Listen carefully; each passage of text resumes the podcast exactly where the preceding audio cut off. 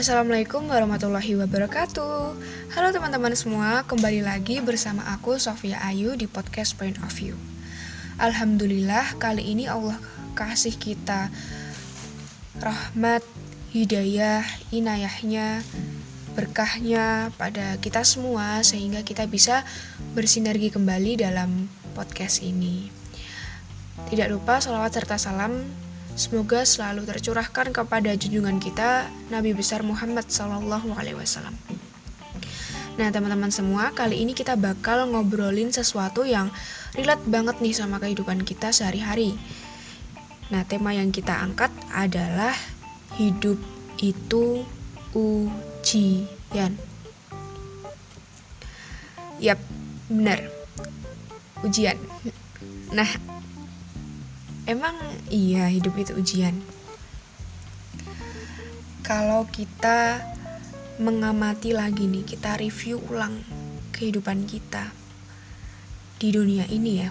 Sebagai manusia ini, kita selalu menghadapi dua keadaan.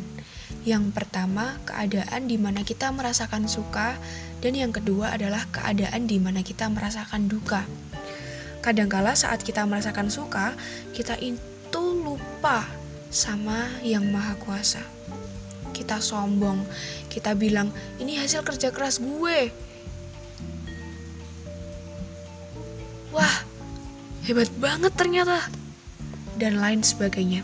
Tapi, kalau kita merasakan duka, kita malah mencaci maki yang maha kuasa. Kenapa semua ini harus ditimpain sama aku ya Allah? Kenapa harus aku? Kurang lebih kayak gitu ya kalau kita lihat di sinetron-sinetron dan juga kita uh, review ulang di kehidupan kita. Terus kenapa sih Allah itu ngasih kita ujian gitu? Sebenarnya tujuan Allah ngasih kita ujian itu apa? Nah, untuk uh, mengetahui apa sih tujuan Allah menguji kita, coba kita renungkan surat Al-Mulk ayat kedua yang menciptakan mati dan hidup untuk menguji kamu. Siapa di antara kamu yang lebih baik amalnya dan dia maha perkasa, maha pengampun. Dari sini kita tahu kalau sebenarnya Allah itu ketika menguji kita, Allah pengen tahu siapa di antara hamba-hambanya ini yang lebih baik amalnya. Lalu, coba kita renungkan lagi uh, Quran Surat Muhammad ayat 31. Dan sungguh, kami benar-benar akan menguji kamu, sehingga kami mengetahui orang-orang yang benar-benar berjihad dan bersabar di antara kamu, dan akan kami uji perihal kamu. Dari ayat ini, kita bisa tahu kalau uh, Allah itu menguji kita karena Allah pengen tahu nih orang-orang yang benar-benar berjihad dan benar-benar bersabar di antara kita itu ketika diuji yang mana. Selain itu, kita juga marilah renungkan Quran Surat Al-Anbiya ayat 35. Setiap yang bernyawa akan merasakan mati. Kami akan menguji kamu dengan keburukan dan kebaikan sebagai cobaan, dan kamu akan dikembalikan hanya kepada kami. Mulai sekarang, coba kita sama-sama merenungkan. Jangan-jangan kita termasuk hamba yang kalau nggak diuji Allah tuh kita akan jadi orang yang sombong, orang yang lalai, orang yang merasa dirinya paling sempurna, paling berjasa, paling bahagia, paling hebat, dan lain sebagainya. Atau jangan-jangan kita itu termasuk orang-orang yang ketika nggak diuji sama Allah itu kita jadi orang-orang yang kurang mendekatkan diri kepadanya, nggak pernah berdoa, nggak pernah berharap kepada Allah, nggak pernah berserah kepada Allah. Dan pasti Allah merindukan itu kan. Allah pengen lah pasti hambanya dekat sama Allah. Karena uh, sejatinya Allah itu adalah maha pencemburu.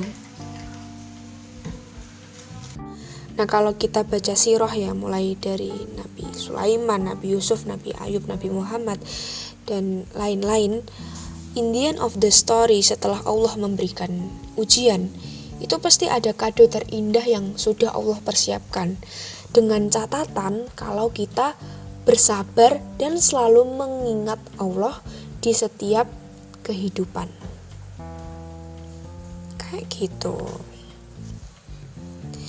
Pada intinya ujian ini dimaksudkan oleh Allah itu untuk menguji dan mengangkat derajat seseorang manusia atas keimanan yang mereka miliki.